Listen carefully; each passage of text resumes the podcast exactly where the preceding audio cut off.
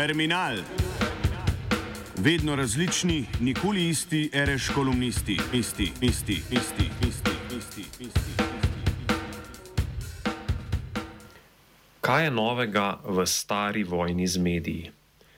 Mineva približno leto dni od objave razupite Janševe basni o žabah, ki bi jo nemara lahko razglasili za začetek sistematične vojne trenutne vlade s slovenskimi mediji.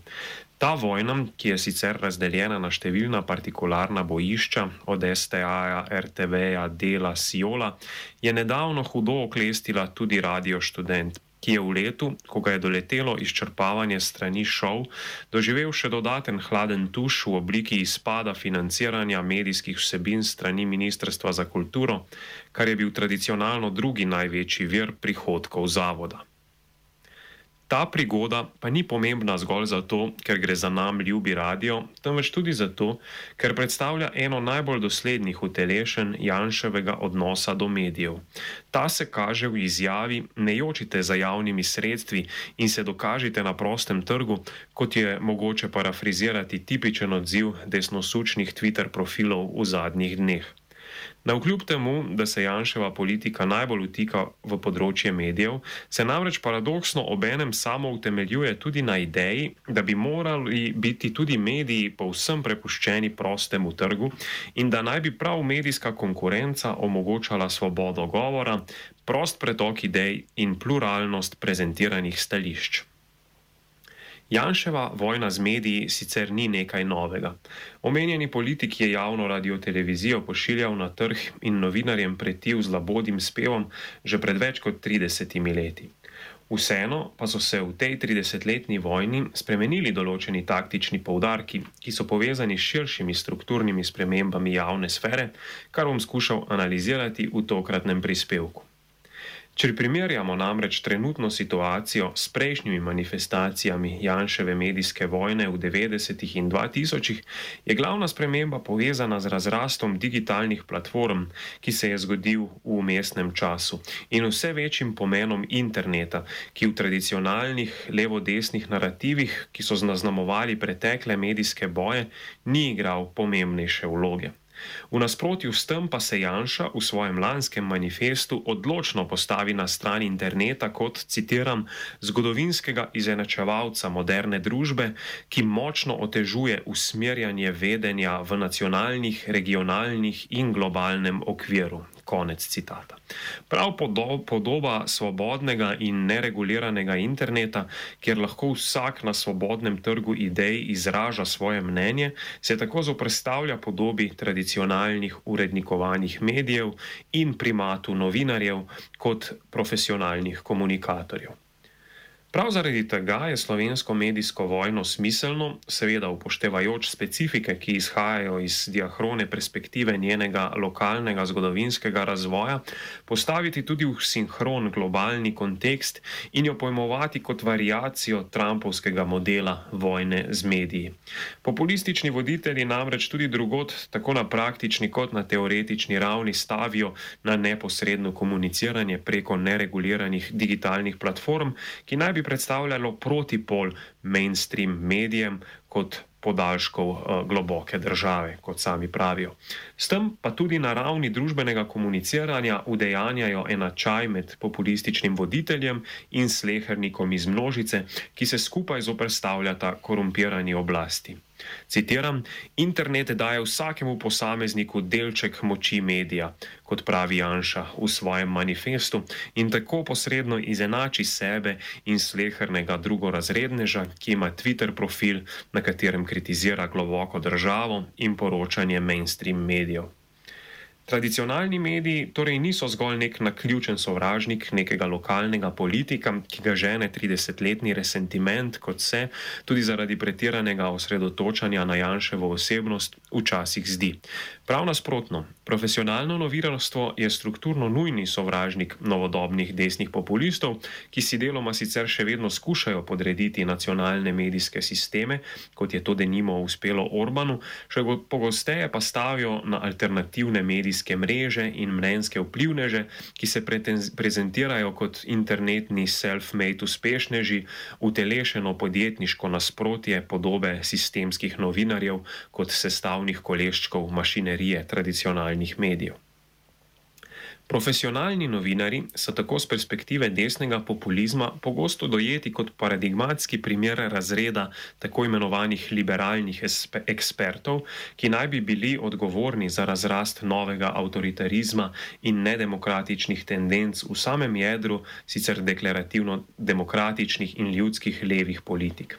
Resentiment proti to vrstni obliki profesionalizma, ki je pogosto, povezan prav, ki je pogosto povezana prav s financiranjem iz iz državnega proračuna, pa se tako odlično vklopi v nek širši imaginarij desnega populizma, ki tudi sicer stavi na neposlušnost in nezaupanje v kakršno koli strokovnost uh, in profesionalnost.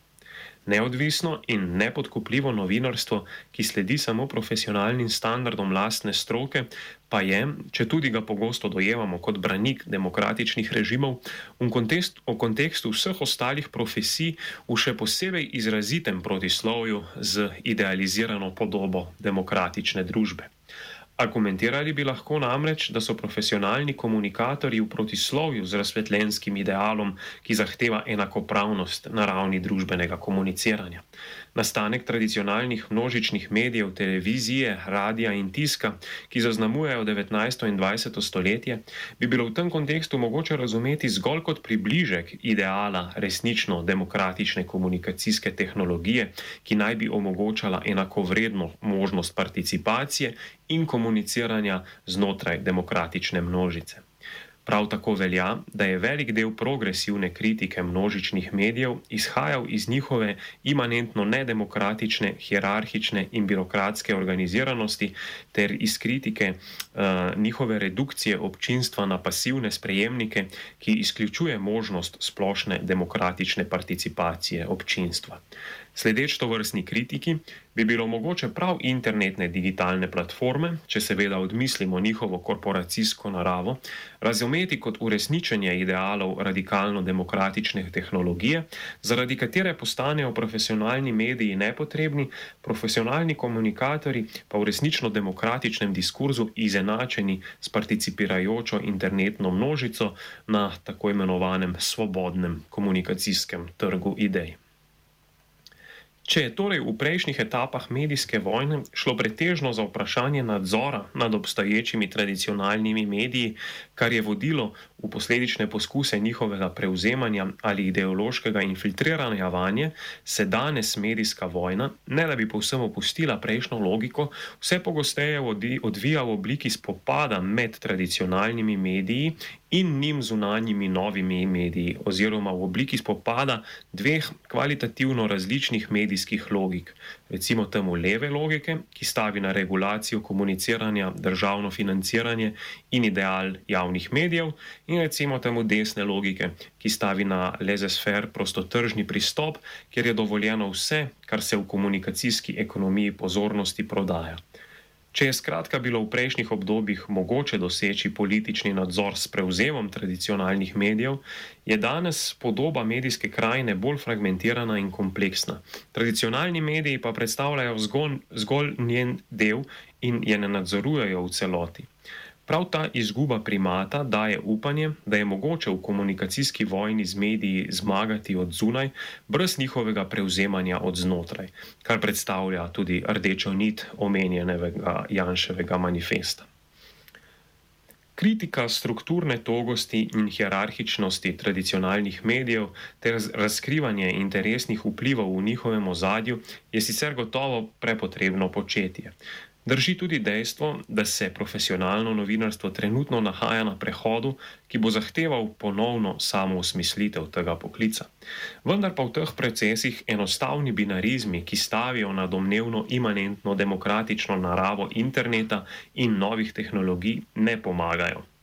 In prav prekinitev financiranja Radia Student je v tem kontekstu dober ponazoritveni primer, kako uničujoče in neegalitarne učinke ima lahko misticizem prostotržnega komunikacijskega egalitarizma, ki se zoprstavlja privilegirani vlogi profesionalnih komunikatorjev.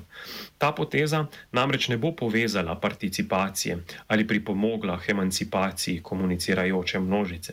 Nasprotno, zaradi nje bo množica 200 sodelavcev RŠ-a najverjetneje ostala brez že tako mizernih žepnin. In ista zgodba bi se ponovila, če bi se pojdite na trg princip uresničil v širšem kontekstu slovenskega novinarstva. Slovenski narod ne bi s tem končno dočakal 30-letne obljubljene svobode in vse splošne participacije v komuniciranju, ki bi predstavljala nasprotje stereotipu komunističnega centralnega nadzora. Nasprotno, lokalni mediji bi se najbrž izkazali za nekonkurenčne v boju za pozornost z globalnimi digitalnimi platformami in farmami vsebine na analogen način, kot so slovenski taksisti nekonkurenčni v odnosu do Uberja. To bi vodilo v še večjo centralizacijo moči in še večjo komunikacijsko neenakost ter v razrast tako imenovanih informacijskih puščav, v katerih je nemogoče dobiti relevantne informacije o dogajanju v lokalnem okolju. Prav tako pa bi se občutno zmanjšala možnost zaposlovanja novinarjev, s čimer bi se z gledišča slehernika še bolj otežilo možnost smiselne participacije v javni sferi.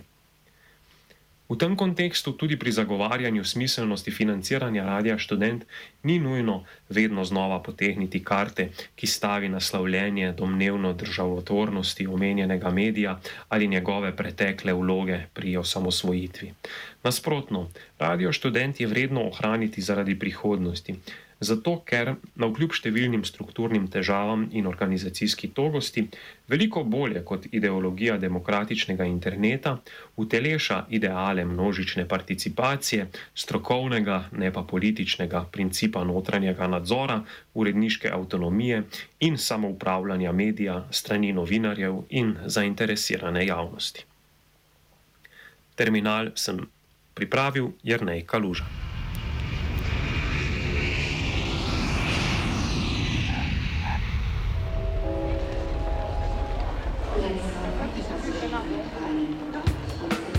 Terminal. Vedno različni, nikoli isti, reš kolumnisti, isti, isti, isti, isti, isti, isti. isti.